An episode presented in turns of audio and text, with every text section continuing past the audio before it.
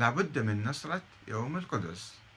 أبو وائل الإبراهيمي يقول ولكن شيخنا ما هو التشيع بحسب نظرك؟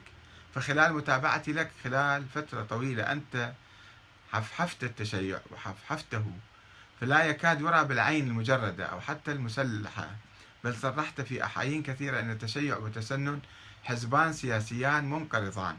وأنا هنا لست بصدد الرد على ذلك فقد تكون قناعتي قريبة منه.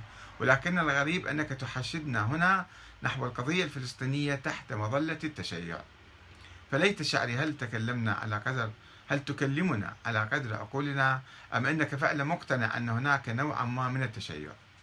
يا أخي العزيز أبو وائل الإبراهيمي أنا أقول في التشيع في حركة التشيع آه، طبعا التشيع قراءة معينة للإسلام. في مقابل القراءة الأموية التي ينتهجها معظم الحكام العرب والمسلمين عبر التاريخ. استبداد وطغيان ونهب للثروات وقمع للشعوب. هذا هو المنهج الأموي تشوفون أنتم الآن في معظم الحكومات العربية والإسلامية. وفي مقابل ذلك كان هناك كانت هناك قراءة أخرى هي قراءة أهل البيت وقراءة الشيعة اللي كانوا يشكلون المعارضة الرئيسية لذلك الظلم والاستيلاء على السلطة بالقوة. فالتشيع فيه عناصر آه، إيجابية وعناصر آه، مستمرة وجوهر باقي إلى اليوم وهناك قشور وأطر و آه، وأطر و يعني مظاهر معينة. هناك فقه مثلا فقه أهل البيت ما في مشكلة. في كأطر مثلا كأشخاص أهل البيت الآن لا يمكن إحنا نجيبهم ونحطهم رؤساء علينا لأنهم ما موجودين.